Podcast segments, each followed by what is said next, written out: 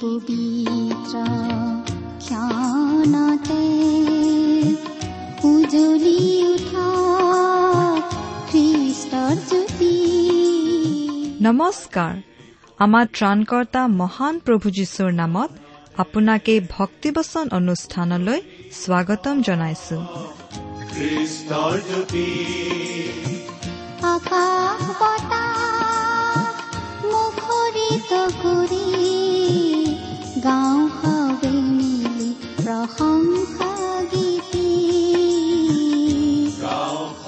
এয়া মুকলি কৰিছো। ঈশ্বৰৰ জীৱিত বাক্যৰ ধাৰাবাহিক অনুষ্ঠান ভক্তি বচন। আপোনাৰ জীৱনত যদি শান্তি পাব বিচাৰে তেন্তে এয়া ঈশ্বৰৰ বাক্যৰ সান্তনা বাক্য ভক্তি বচন। গতিকে আহক আজিৰ শিক্ষা শুনো।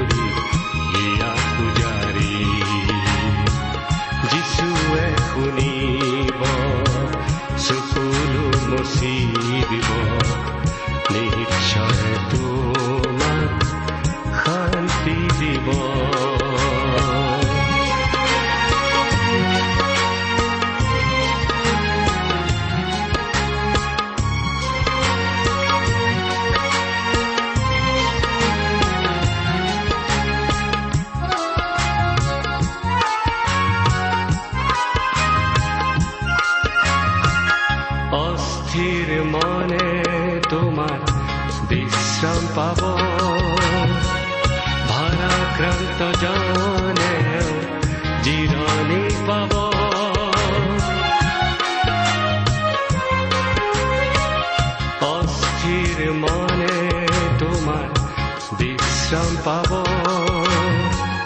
ভাৰাক্ৰান্ত জনে জিৰণি পাব।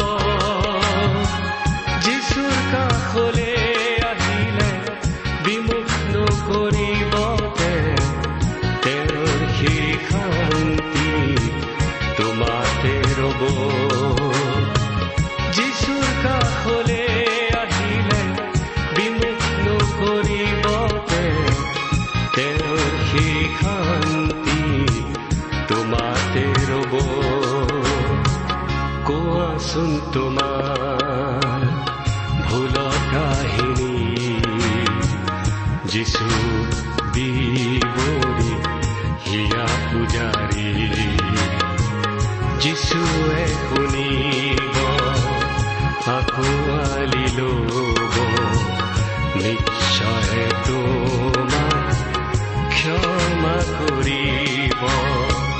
কোৱাচোন তোমাৰ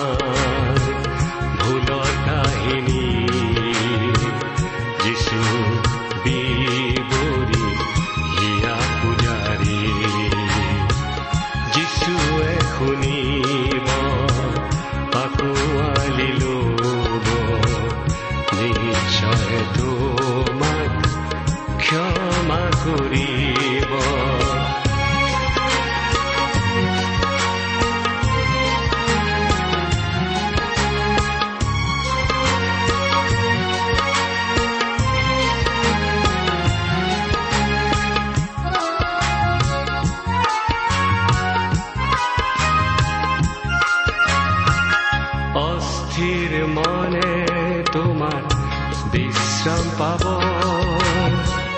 ভাৰাক্ৰান্ত জনে জিৰণি পাব।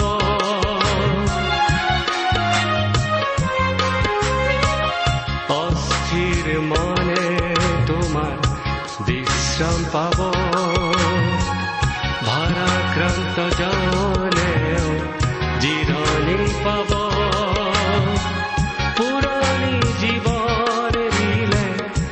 যিচুৰ চৰণত সপিলে তোমাৰ জীৱন আকৌ নতুন হ'ব। পুৰণি জীৱন দিলে যিচুৰ চৰণত সপিলে তোমাৰ জীৱন আকৌ নতুন হ'ব। আমাৰ মহান ত্ৰাণকৰ্তা প্ৰভু যীশুখ্ৰীষ্টৰ নামত নমস্কাৰ প্ৰিয় শ্ৰোতা। আপোনাৰ ভালনে বাৰু? আশা কৰোঁ পৰমপিতা পৰমেশ্বৰৰ মহান অনুগ্ৰহত আপুনি ভালে কুশলে আছে। আশা কৰোঁ আপুনি আমাৰ এই ভক্তিবচন অনুষ্ঠানো নিয়মিতভাৱে শুনি আছে। এই অনুষ্ঠান আপুনি কেনে পাইছে বাৰু? অনুষ্ঠান শুনি আপুনি কিবা প্ৰকাৰে লাভৱান হোৱা বুলি ভাবেনে? অনুগ্ৰহ কৰি আমালৈ চিঠি লিখি জনাবচোন। আপোনাৰ যদি কিবা সুধিবলগীয়া কথা থাকে আমালৈ চিঠি লিখিব। আপোনাৰ মতামত জনায়ো আমালৈ লিখক। ভক্তিবচন টি ডব্লিউ আৰ ইণ্ডিয়া ডাক বাকচ নম্বৰ সাত শূন্য গুৱাহাটী সাত আঠ এক শূন্য শূন্য এক। ভক্তিবচন T W R India postbox number seventy Guwahati seven eight one zero' zero' one. আমাৰ website W W W dot radio' eight eight two dot com আহকচোন আমি প্ৰথমতেই পৰমপিতা পৰমেশ্বৰৰ ওচৰত চুটিকৈ প্ৰাৰ্থনা কৰোঁ। স্বৰ্গত থকা আমাৰ অসীম দয়ালু পিতৃ ঈশ্বৰ তোমাৰ আশীষ বিচাৰি তোমাৰ চৰণত নিবেদন কৰিছো পিতা। কিয়নো তুমি আমাৰ প্ৰাৰ্থনা শুনোতা অনুগ্ৰহশীল কৰোণাময় ঈশ্বৰ। তুমি আমালৈ প্ৰেমৰ প্ৰমাণ দিলা। আমাক উদ্ধাৰ কৰিবলৈ তোমাৰ একেজাত পুত্ৰ যীশুখ্ৰীষ্টক আমালৈ দান দিয়াৰ দ্বাৰা। এতিয়া আমি তোমাৰ মহান বাক্য বাইবেল শাস্ত্ৰ অধ্যয়ন কৰিবলৈ ওলাইছো। তোমাৰ বাক্য তুমিয়েই আমাক বুজাই দিয়া পিতা। আমাৰ মৰমৰ শ্ৰোতাসকলক তুমি উপচি পৰাকৈ আশীৰ্বাদ কৰা। কিয়নো এই প্ৰাৰ্থনা আমাৰ পৰিত্ৰাতা প্ৰভু যীশুখ্ৰীষ্টৰ নামত আগবঢ়াইছো। আমেন।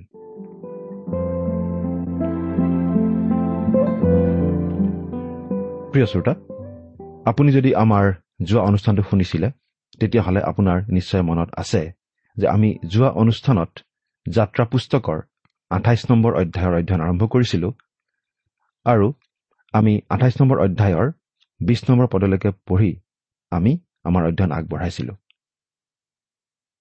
আমি আঠাইছ নম্বৰ অধ্যায়ৰ এক পদৰ পৰা বিছ পদলৈকে আলোচনা কৰি দেখিছিলোঁ হাৰুণ আৰু তেওঁৰ পুত্ৰসকলক প্ৰধান পুৰোহিতৰ নিমিত্তে পৃথক বা পবিত্ৰ কৰা আৰু মহাপুৰোহিতসকলে প্ৰভুৰ সেৱাত পৰিধান কৰিবলগীয়া বস্ত্ৰৰ বিষয়ে।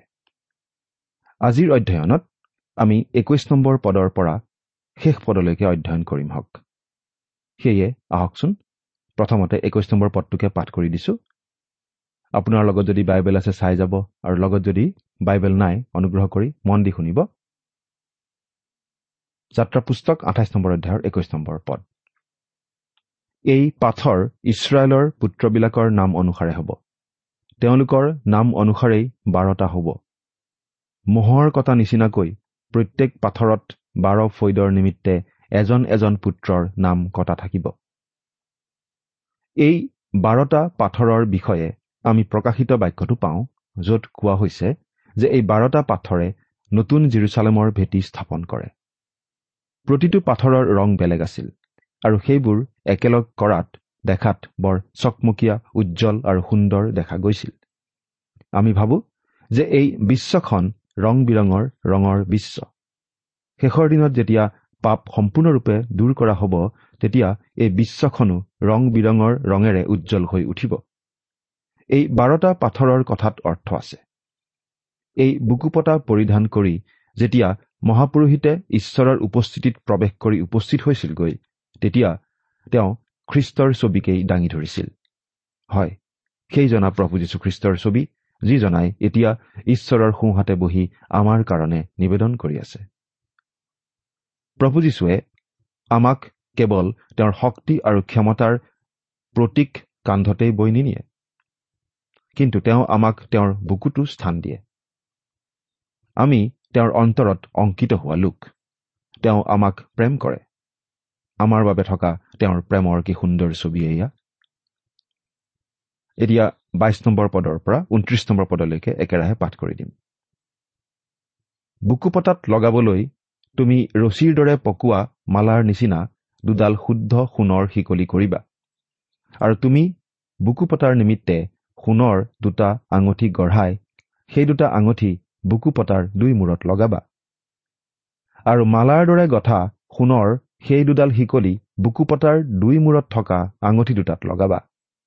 আৰু মালাৰ দৰে গঠা শিকলি দুডালৰ দুই মূৰ সেই ঘৰ দুটাত বন্ধ কৰি এফুদৰ আগফালে সেই স্কন্ধপতি দুগছৰ ওপৰত লগাবা। আৰু তুমি সোণৰ দুটা আঙুঠি গঢ়াই বুকুপতাৰ দুই মূৰত এফুদৰ সন্মুখত থকা ভিতৰ দাঁতিত লগাবা। তুমি আৰু দুটা সোণৰ আঙুঠি গঢ়াই এফুদৰ স্কন্ধপতি দুগছৰ তলভাগত তাৰ আগফালে জোৰা দিয়া ঠাইৰ ওচৰত এফুদৰ নিপুণৰূপে বোৱা কঁকালিৰ ওপৰত তাক লগাবা। আৰু বুকুপতা যেন এফুদৰ নিপুণৰূপে বোৱা কঁকালিৰ ওপৰত থাকে আৰু এফুদৰ পৰা এৰাই নাযায় এই নিমিত্তে তেওঁলোকে নীলবৰণীয়া ফিতাৰে সেই বুকুপতাক তাৰ আঙুঠিৰে সৈতে এফুদৰ আঙুঠিত বান্ধিব। যি সময়ত হাৰুণ পবিত্ৰ স্থানত সোমাব সেই সময়ত জিহুৱাৰ সন্মুখত সদাকালৰ সোঁৱৰণৰ অৰ্থে তেওঁ বিচাৰাৰ্থক বুকুপতাত ইছৰাইলৰ পুত্ৰবিলাকৰ নাম নিজ বুকুত ল'ব। এই দীঘলীয়া আঠটাকৈ পদত কেৱল বুকুপতাৰ কথাই কোৱা হৈছে। বুকুপতা প্ৰস্তুত কৰাৰ নিখুঁত আৰু খুটি নাটি দিহা পৰামৰ্শ দিয়া হৈছে। আৰু আমি অলপ আগতে কৈ আহিছো যে এই বুকুপতাই প্ৰভু যীশুখ্ৰীষ্টৰ নিখুঁত পবিত্ৰ অন্তৰখনক বুজায় যি অন্তৰখনত তেওঁ তেওঁৰ নিজৰ লোকক স্থান দিয়ে। ত্ৰিশ নম্বৰ পদ। সেই বিচাৰাৰ্থক বুকুপতাত উৰিম আৰু তুম্মিম দিবা। আৰু হাৰুণে যি সময়ত জিহুৱাৰ আগলৈ প্ৰৱেশ কৰিব সেই সময়ত হাৰুণৰ বুকুৰ ওপৰত সদায় সেইবোৰ থাকিব। আৰু হাৰুণে ইছৰাইলৰ সন্তানবিলাকৰ বিচাৰ ভাৰ জিহুৱাৰ আগত সদায় নিজৰ বুকুত বব। উৰিম আৰু তুমিম কি কোনেও ক'ব নোৱাৰে। বহু লেখকে এই বিষয়ৰ ওপৰত লিখনিও লিখিছে কিন্তু তেওঁলোকেও নাজানে এই উৰিম আৰু তুমিমনো কি। ইয়াৰ আক্ষৰিক অৰ্থটো হৈছে দীপ্তি আৰু শুদ্ধতা। সেয়ে উজ্জ্বলতা আৰু সত্য বুলিও আমি ক'ব পাৰোঁ। এগৰাকী বাইবেল পণ্ডিত জে ক্লিমেণ্ট কন্নেলে কৈছে যে উৰিম আৰু তুম্মিম খোদিত কৰা সেই বুকু পতা যি মহাপুৰোহিতে পৰিধান কৰিছিল তেওঁক তেওঁৰ ওচৰলৈ অনা সকলো গোচৰৰে ওপৰত ঈশ্বৰৰ সিদ্ধান্ত বা সুধবিচাৰ ঘোষণা কৰাৰ ক্ষমতা প্ৰদান কৰা হৈছিল। কিছুমানে ক'বলৈ চেষ্টা কৰে যে উৰিম আৰু তুম্মিম পাশা খেলৰ নিচিনা এটা ব্যৱস্থা আছিল। যি ব্যৱস্থাৰ দ্বাৰাই ঈশ্বৰৰ সিদ্ধান্ত বা বিচাৰৰ সিদ্ধান্ত ঠাৱৰ কৰা হৈছিল। সেইটো ব্যাখ্যা কিন্তু কোনোমতে বিশ্বাসযোগ্য বা গ্ৰহণযোগ্য হ'ব নোৱাৰে।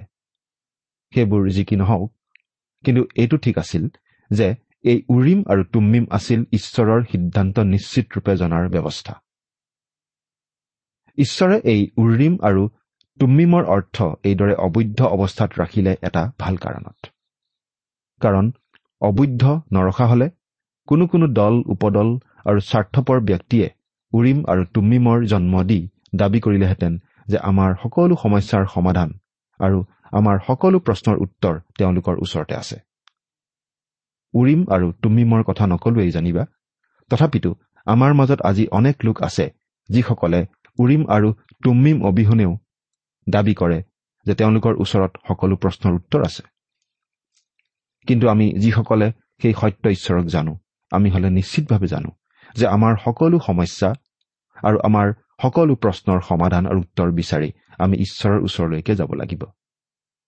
এতিয়া একত্ৰিশ নম্বৰ পদৰ পৰা চৌত্ৰিশ নম্বৰ পদলৈকে পাঠ কৰি দিছো। তুমি এফুডৰ চোলা গোটেই নীলবৰণীয়া সূতাৰে কৰিবা। তাৰ সোঁ মাজত মূৰ সুমুৱাবলৈ এটা বাট থাকিব। আৰু সেয়ে নেফাটিবৰ বাবে কবচৰ ডিঙিৰ দৰে সেই বাটটোৰ চাৰিও মেৰে তাঁতিয়ে বোৱা ফিটা লগোৱা হ'ব। আৰু তুমি তাৰ তলদাঁতিত চাৰিওমেৰে নীল বেঙেনা আৰু ৰঙা বৰণীয়া সূতাৰে ডালিম তুলিবা।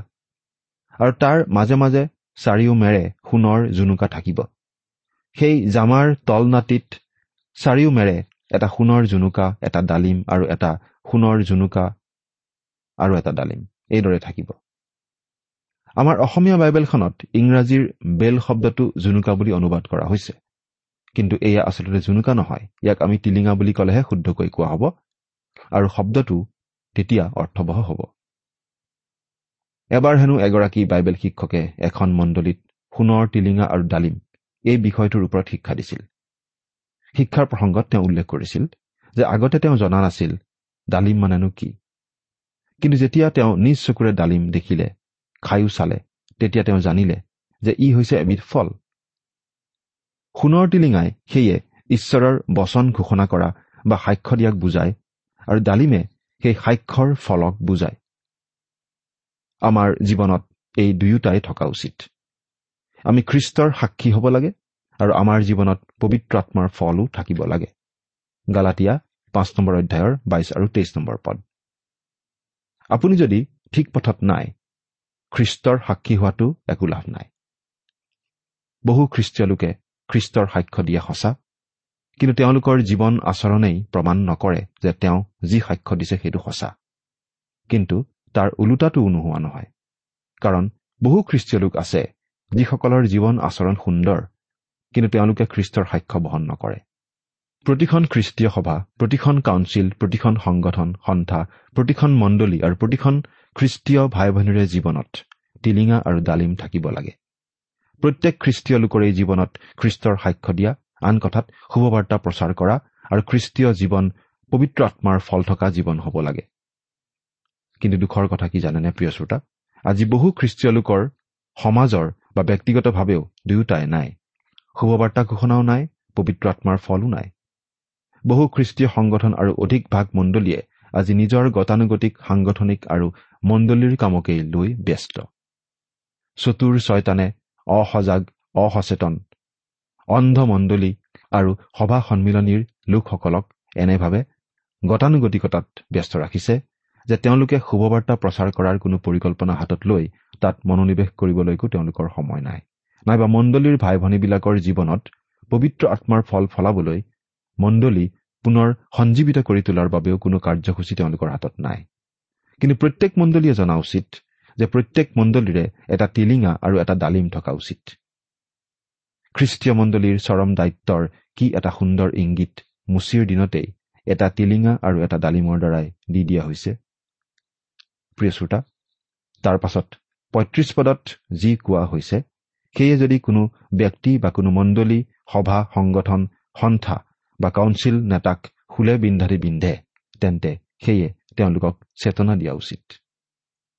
ঈশ্বৰৰ বচনে কোনোজনক ফুলে বিন্ধাদি বিন্ধিলে সেয়ে চেতনাৰ বাবেহে হ'ব। কিন্তু ফুলে বিন্ধাদি বিন্ধিলেও কোন চেতনালৈ ঘূৰি নাহিব আপুনি জানেনে প্ৰিয় শ্ৰোতা? যি ইতিমধ্যে মৰি গৈছে। মৰা দেহাত ফুলেৰে বিন্ধি একো লাভ নাই।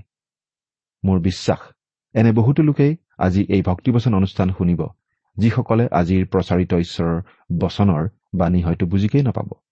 গাত অকণো নালাগিব। ফুলে বিন্ধা গমকেই নাপাব।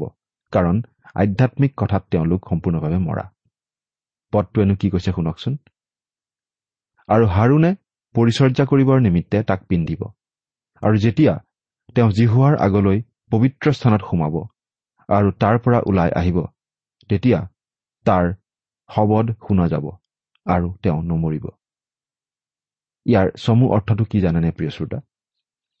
হাৰুণে ঈশ্বৰৰ উপস্থিতিত সোমাওঁতে ওলাওঁতে যি শব্দ শুনা যাব সিয়েই প্ৰমাণ কৰিব যে হাৰুণ মৰা নাই। মণ্ডলীৰ শুভবাৰ্তা প্ৰচাৰ আৰু মণ্ডলীক পুনৰ সঞ্জীৱিত কৰাৰ পৰিচৰ্যাবোৰেই প্ৰমাণ যে সেই মণ্ডলী মৃত মণ্ডলী নহয়। ৰব এতিয়া ইংৰাজী শব্দৰে ক'লেহে বুজি পোৱা বহু অসমীয়া শ্ৰোতাই হয়তো ভাবিব পাৰে। মণ্ডলীৰ শুভবাৰ্তা প্ৰচাৰ কাৰ্যৰ কথাটো বাৰু বুজিলো। কিন্তু মণ্ডলীক পুনৰ সঞ্জীৱিত কৰা পৰিচৰ্যাটোনো আকৌ কি বিধৰ পৰিচৰ্যা? ইয়াৰ মানে হ'ল মণ্ডলী ৰিভাইভ কৰা পৰিচৰ্যা। ধৰ্মোদ্দীপনা বুলি আপোনালোকৰ এই অযোগ্য দাসৰ আগত নকব। ধৰ্ম শব্দটো শুনিলেই দেখোন এই অযোগ্যৰ মনটোৱে বেজ বেজাই উঠে। ধৰ্মত উদ্দীপিত হৈ আপুনি খুব কৰিব পাৰিলে আন ধৰ্মৰ মানুহক ঘৃণাৰ চকুৰেহে চাব পাৰিব। কিন্তু আমি ধৰ্মৰ কথাটো নকওঁ বিশ্বাসৰ কথাহে কওঁ। আমাৰ মূল কথাটো হ'ল যে প্ৰত্যেক মণ্ডলীৰেই এটা টিলিঙা আৰু এটা ডালিম অৰ্থাৎ শুভবাৰ্তা প্ৰচাৰ কৰা আৰু পবিত্ৰ আত্মাৰ ফল ফলিবলৈ মণ্ডলীক পুনৰ সঞ্জীৱিত কৰাৰ পৰিচৰ্যা অনবৰতে থাকিব লাগিব। আৰু তাৰ দ্বাৰাই প্ৰমাণ কৰিব লাগিব যে সেই মণ্ডলী মৃত নহয় জীৱিত। খ্ৰীষ্টক ধৰা মণ্ডলীবোৰ মৃত মণ্ডলী হ'ব নোৱাৰে। আমাৰ আচলতে কোনো খ্ৰীষ্টীয় ধৰ্ম নাই। আমাৰ যিটো বিশ্বাস সেয়া খ্ৰীষ্টীয় বিশ্বাস। আৰু আমাৰ যি জীৱন সেয়া হৈছে খ্ৰীষ্টীয় জীৱন। আৰু এই খ্ৰীষ্টীয় বিশ্বাসৰ আৰু খ্ৰীষ্টীয় জীৱনৰ লোকসকলৰ যি পবিত্ৰ অনুষ্ঠান বা সংস্থা সেয়ে হৈছে খ্ৰীষ্টীয় মণ্ডলী। আপুনি যদি খ্ৰীষ্টীয় শ্ৰোতা আপোনাৰ মণ্ডলী সদায় জীয়াই থকাৰ প্ৰমাণৰূপে সদায়েই এটা টিলিঙা আৰু এটা ডালিম আছেনে? ছয়ত্ৰিশ নম্বৰ পদৰ পৰা আঠত্ৰিশ নম্বৰ পদলৈকে পঢ়ি দিম। আৰু তুমি শুদ্ধ সোণৰ এচটা পতা কৰি মহৰ কটা নিচিনাকৈ তাৰ ওপৰত জিহুৱাৰ উদ্দেশ্য পবিত্ৰ এই কথা কাটিবা। আৰু তুমি তাক নীলবৰণীয়া ফিটাত লগাই পাকটোৰ ওপৰত আগফালে খুৱাই দিবা। আৰু সেয়ে হাৰুণৰ কপালত থাকিব। আৰু ইছৰাইলৰ সন্তানবিলাকে নিজ নিজ পবিত্ৰ দান দি যি যি দ্ৰব্য পবিত্ৰ কৰিব সেই সকলো দ্ৰব্যৰ অপৰাধ হাৰুণে বব। আৰু তেওঁবিলাক যেন জিহুৱাৰ আগত গ্ৰহণীয় হয় এই নিমিত্তে সেয়ে সদায় তেওঁৰ কপালৰ ওপৰত থাকিব। এই বস্ত্ৰবোৰে মহাপুৰোহিতজনক আন পুৰোহিতসকলৰ মাজত প্ৰভেদ ৰক্ষা কৰিছিল। আৰু এই বস্ত্ৰবোৰে পবিত্ৰ অপকাৰ নজনা অকলুষিত সকলো পাপীৰ পৰা পৃথক। এই মহাপুৰোহিতগৰাকীৰ গৌৰৱ আৰু সৌন্দৰ্য দেখুৱায়। তেওঁ মৰতলৈ আহি আমাক বচাবলৈ অৰ্থাৎ নৰকৰ অনন্ত মৃত্যুৰ পৰা পৰিত্ৰাণ দান কৰিবলৈ আমাক পৰিত্ৰাণ দান কৰাৰ মূল্যৰূপে নিজৰ জীৱন আহুতি দি আমাক পৰিত্ৰাণ কৰিলে। সেই মহাপুৰোহিত প্ৰভু যীশুখ্ৰীষ্ট এতিয়াও জীৱন্ত আৰু সৰগত পিতৃ ঈশ্বৰৰ সোঁহাতে বহি আমাৰ বাবে এতিয়াও নিবেদন কৰি থাকে যাতে আমি আটাই বিশ্বাসকাৰীসকলে সেই পৰিত্ৰাণ হেৰুৱাই নলওঁ যাতে আমি আটাই বিশ্বাসকাৰীসকল পৰিত্ৰাণত স্থিৰে থাকো। আপুনি প্ৰভু যীশুৰ সেই পৰিত্ৰাণ গ্ৰহণ কৰিলেনে? যদি কৰা নাই কেনেকৈ কৰিব? হয়। আপুনি যে পাপী পাপৰ বেচ যে মৃত্যু আৰু সেই মৃত্যু যে নৰকৰ অনন্ত শাস্তি আৰু সেই অনন্ত শাস্তিৰ পৰা পৰিত্ৰাণ পাবৰ মূল্য যে কালবাৰীৰ ক্ৰোচত আপোন প্ৰাণ আহুতি প্ৰভু যীশুখ্ৰীষ্টই পৰিশোধ কৰিলে তাকে জানি বিশ্বাস কৰি প্ৰভু যীশুখ্ৰীষ্টক আপোনাৰ জীৱনৰ পৰিত্ৰাতা আৰু প্ৰভুৰূপে গ্ৰহণ কৰে তাতেই আপোনাৰ জীৱন নৰকৰ অনন্ত মৃত্যুৰ পৰা উদ্ধাৰ পাব পৰিত্ৰাণ হ'ব। ধৰ্ম কৰ্মৰ দ্বাৰা বিধি বিধান পালনৰ দ্বাৰা জপ তপস্যাৰ দ্বাৰা মানুহে সেই পৰিত্ৰাণ পাব নোৱাৰিলে নোৱাৰে আৰু কেতিয়াও নোৱাৰিব। সেইবোৰেৰে পৰিত্ৰাণৰ চেষ্টা কৰিলে মানুহৰ কেতিয়াও পৰিত্ৰাণ পোৱাই নহ'ব। প্ৰিয় শ্ৰোতা আমি কোনো ধৰণৰ বিধি বিধান শতকৰা এশ ভাগ পালন কৰিব নোৱাৰো। প্ৰিয় শ্ৰোতা মন কৰিবলগীয়া কথাটো কি জানেনে? আজি যে আইন কানুন ৰাখিবলগীয়া হৈছে সেয়াই দেশ দেশকৈ প্ৰমাণ কৰে যে মানুহে আইন মানি চলিব নোৱাৰে। আৰক্ষীৰ থানা ন্যায়ালয় বিচাৰালয় আৰু আদালতবোৰেই বা কিহক সূচায়? সম্পূৰ্ণ বিধান পালন কৰিব পাৰিলেও মানুহে পৰিত্ৰাণ পাব পাৰিলেহেঁতেন নিশ্চয়। কিন্তু তাক কৰিব মানুহে নোৱাৰে। নোৱাৰে কেতিয়াও নোৱাৰে। মানুহৰ হৈ এজনে সকলো বিধান সম্পূৰ্ণ পালন কৰিছিল আৰু তেওঁ আপোনাৰ আৰু মোৰ পৰিত্ৰাণৰ ক্ৰোচৰ ওপৰত নিজ প্ৰাণ দিওঁতে কৈছিল সিদ্ধ হ'ল। অৰ্থাৎ আপোনাৰ আৰু মোৰ পৰিত্ৰাণৰ বাবে যি কৰিবলগীয়া আছিল তাক তেওঁ সিদ্ধ কৰিলে। গতিকে পৰিত্ৰাণ সিদ্ধ কৰোতা পৰিত্ৰাতা প্ৰভু যীশুখ্ৰীষ্টত বাদে আন কাটো পৰিত্ৰাণ নাই। আপোনাৰ পৰিত্ৰাণৰ বাবে সেইজনা প্ৰভু যীশুখ্ৰীষ্টক আজি আপোনাৰ পৰিত্ৰাতা আৰু প্ৰভুৰূপে গ্ৰহণ কৰিবনে? কৰিলে আপোনাৰ পৰিত্ৰাণ নিশ্চিত হ'ব। এতিয়া আমি ঊনচল্লিছ নম্বৰ পদৰ পৰা তিৰাল্লিছ নম্বৰ পদ অৰ্থাৎ শেষ পদলৈকে পাঠ কৰিছো। তুমি অংগৰক্ষক বস্ত্ৰ গাড়ী দি মিহি সূতাৰে ববা। পাগটো সূতাৰে যুগুত কৰিবা। আৰু টঙালি উত্তম ৰূপে বুটা দি কৰিবা। আৰু হাৰুণৰ পুত্ৰবিলাকৰ নিমিত্তে অংগৰক্ষক বস্ত্ৰ আৰু টঙালি কৰিবা। মৰ্যাদা আৰু শোভাৰ অৰ্থে তেওঁলোকৰ নিমিত্তে পাগুৰি কৰিবা। পাছে তোমাৰ ককায়েৰা হাৰুণক আৰু তেওঁৰে সৈতে তেওঁৰ পুত্ৰবিলাকক সেইবোৰ পিন্ধাবা। আৰু মোৰ অৰ্থে পুৰোহিত কৰ্ম কৰিবৰ নিমিত্তে তুমি তেওঁলোকক অভিষিক্ত আৰু পুৰোহিত কৰ্মৰ নিমিত্তে পুৰোহিত পদত নিযুক্ত কৰি পবিত্ৰ কৰিবা। তেওঁলোকৰ গাৰ ব্যৱস্ত্ৰতা ঢাকিবৰ নিমিত্তে কঁকালৰ পৰা কৰঙনলৈকে তুমি তেওঁলোকলৈ সন সূতাৰ জাঙিয়া কৰিবা। আৰু যেতিয়া হাৰুণ আৰু তেওঁৰ পুত্ৰসকল সাক্ষাৎ কৰা তম্বুৰ ভিতৰলৈ সোমাব বা পবিত্ৰ স্থানত পৰিচৰ্যা কৰিবৰ নিমিত্তে বেদীৰ ওচৰ চাপিব তেতিয়া তেওঁলোকে যেন অপৰাধ বৈ নমৰে এই নিমিত্তে তেওঁলোকে এই বস্ত্ৰ পিন্ধিব। এয়ে হাৰুণ আৰু তেওঁৰ ভাবি বংশৰ পালন কৰিবলগীয়া চিৰস্থায়ী বিধি। হয় প্ৰিয় শ্ৰোতা ঈশ্বৰে তেওঁৰ সেৱাত কোনো উলংগতা দেখা পাবলৈ ইচ্ছা কৰা নাছিল।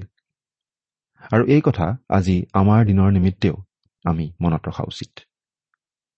ঈশ্বৰে কোনো ধৰণৰ মাংসিকতাৰ প্ৰদৰ্শন দেখা পাবলৈ ইচ্ছা নকৰে। মাংসিকতাৰ যিকোনো ধৰণৰ কাৰ্যকে ঢাকি ৰাখিবলৈ এই বস্ত্ৰবোৰৰ প্ৰয়োজন হৈছিল।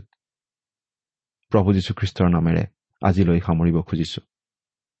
কিন্তু শেষ কৰাৰ আগতে আমি আপোনাক আকৌ এবাৰ সুধি যাব খুজিছো যি প্ৰভু যীশুখ্ৰীষ্টই আপোনাৰ মোৰ সকলো মানৱ জাতিৰ কাৰণে পৰিত্ৰাণ সম্পন্ন কৰি থৈ গ'ল ক্ৰুচৰ ওপৰত নিজকে বলি হিচাপে আগবঢ়ায়।